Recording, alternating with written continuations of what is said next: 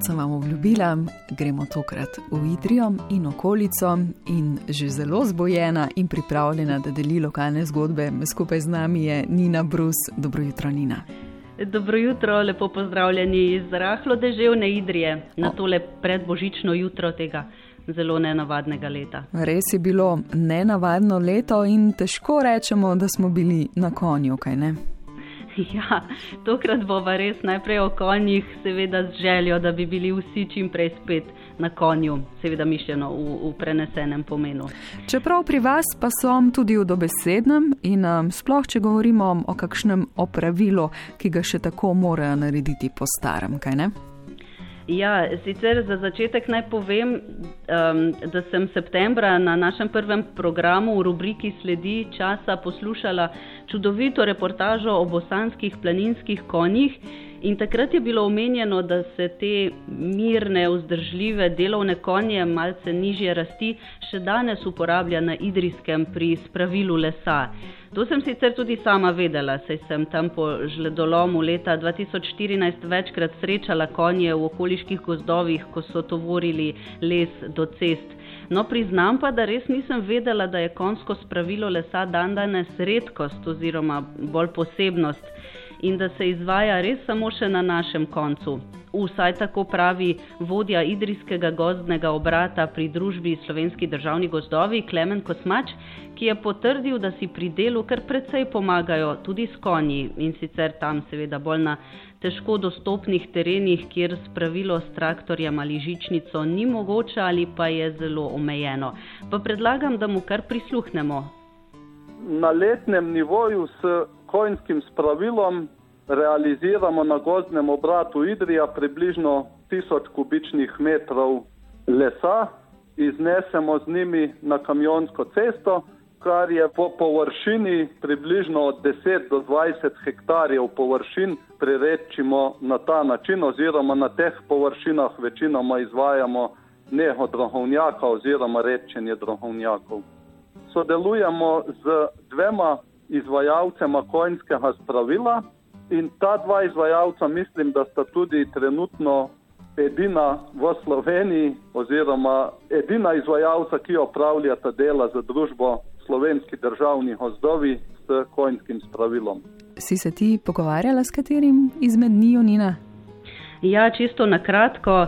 Uh, naj zdaj še povem, da kot po naključju so zadnje tedne uh, ob priljubljeni sprehajalni poti ob vodnem kanalu Rake v Idriji izvajali sečnjo nevarnega drevja. Eh, po večini gre za veliki jesen, ki ga je napadla invazivna tujerodna gljiva jesenov ožig, kar je povzročilo, pač, da se je drevje začelo sušiti in postalo je nevarno, da pade na koga od sprehajalcev. In ker se tudi nad rakami razprostira precej strm, nedostopen teren, so si pri spravilu pomagali tudi s štirimi konji. Delali so sicer le nekaj dni, vendar so naredili veliko delo. Nekaj več pa bo znova povedal Klemen Kosmač.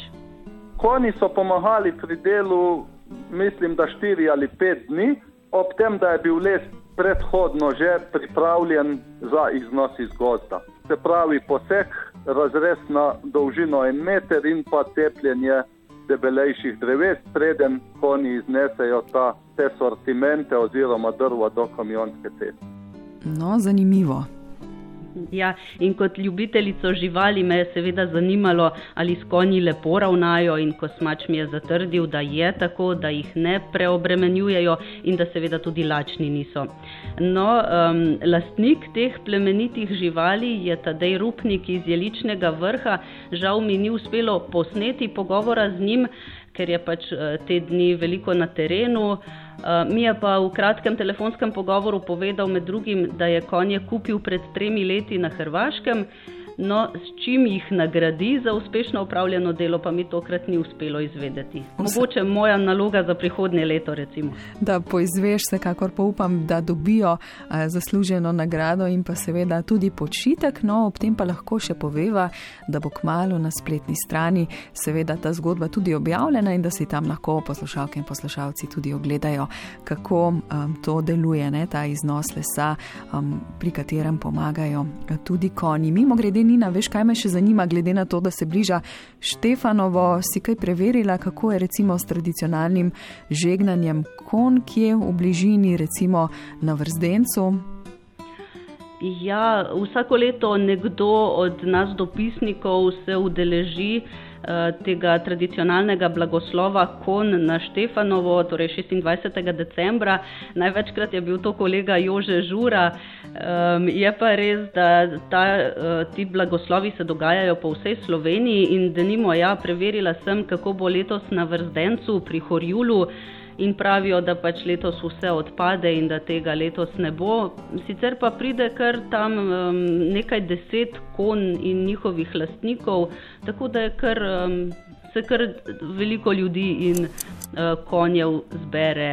Govorimo seveda o minulih letih, ko je bilo to še možno letos pač ne. Zaradi zdravstvenih razlogov in vseh ukrepov, kaj pa da um, združevanje in povezovanje um, to vrstno odpade, kar pa ne pomeni, da verjetno tisti, ki imajo doma konje, ne bodo obeležili Štefanovega v bolj intimnem vzdušju.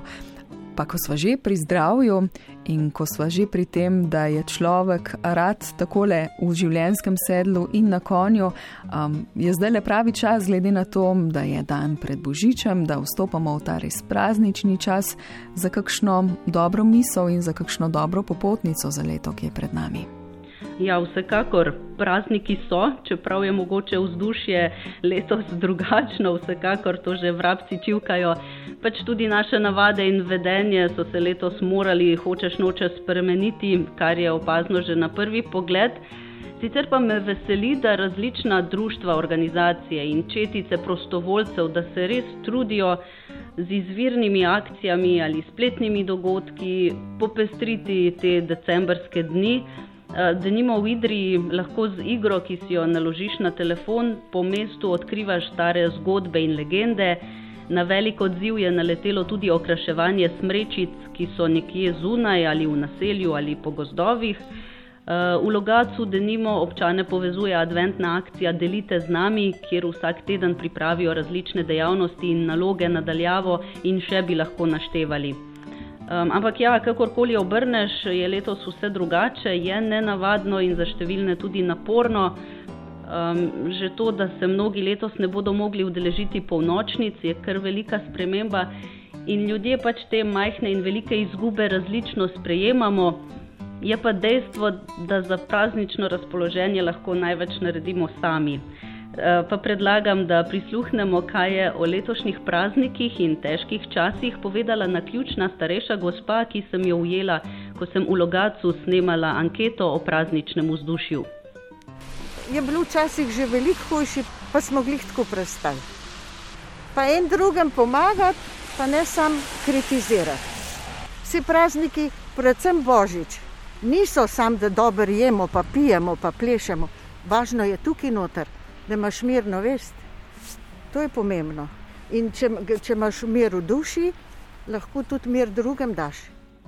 Kako pomembna misel, brez omejitev in omejevanja. Ja, kako že gre tista od toneta pavčka?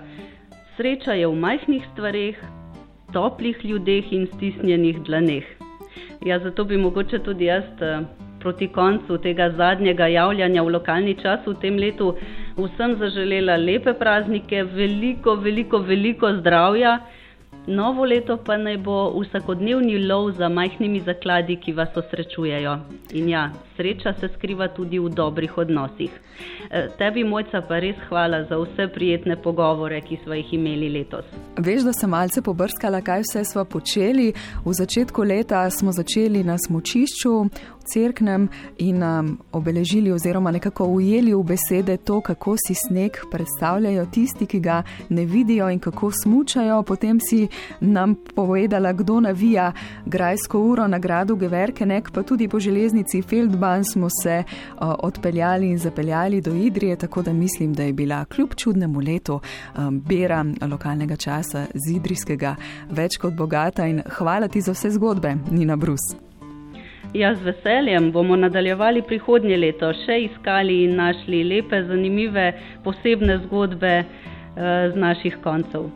Vsake poti je treba znova začeti, bi tudi rekel Tone Pavček, tako da do prihodnič vse dobro in prav prijetne praznične dni ti želimo iz Ljubljane. Hvala enako in res srečno vsem. Prav posebej vsem na idrijskem koncu, zdaj le torej mahamo in vse povsod po Sloveniji, kamor potujemo v našem lokalnem času, ki ga bomo zaključili čez teden dni um, v postojni skupaj s Sabrino Mulec in lahko vam že zdaj obljubim, da bom prinesla precej prazničnega razpoloženja. Če da huči pam zasedbam, ki nas bom odpeljala tam proti drugi jutranji kroniki, tudi njihov violinist prihaja iz Idrije, mi je povedal Matej Vnišek in tudi oni pravijo, da je leto mimo.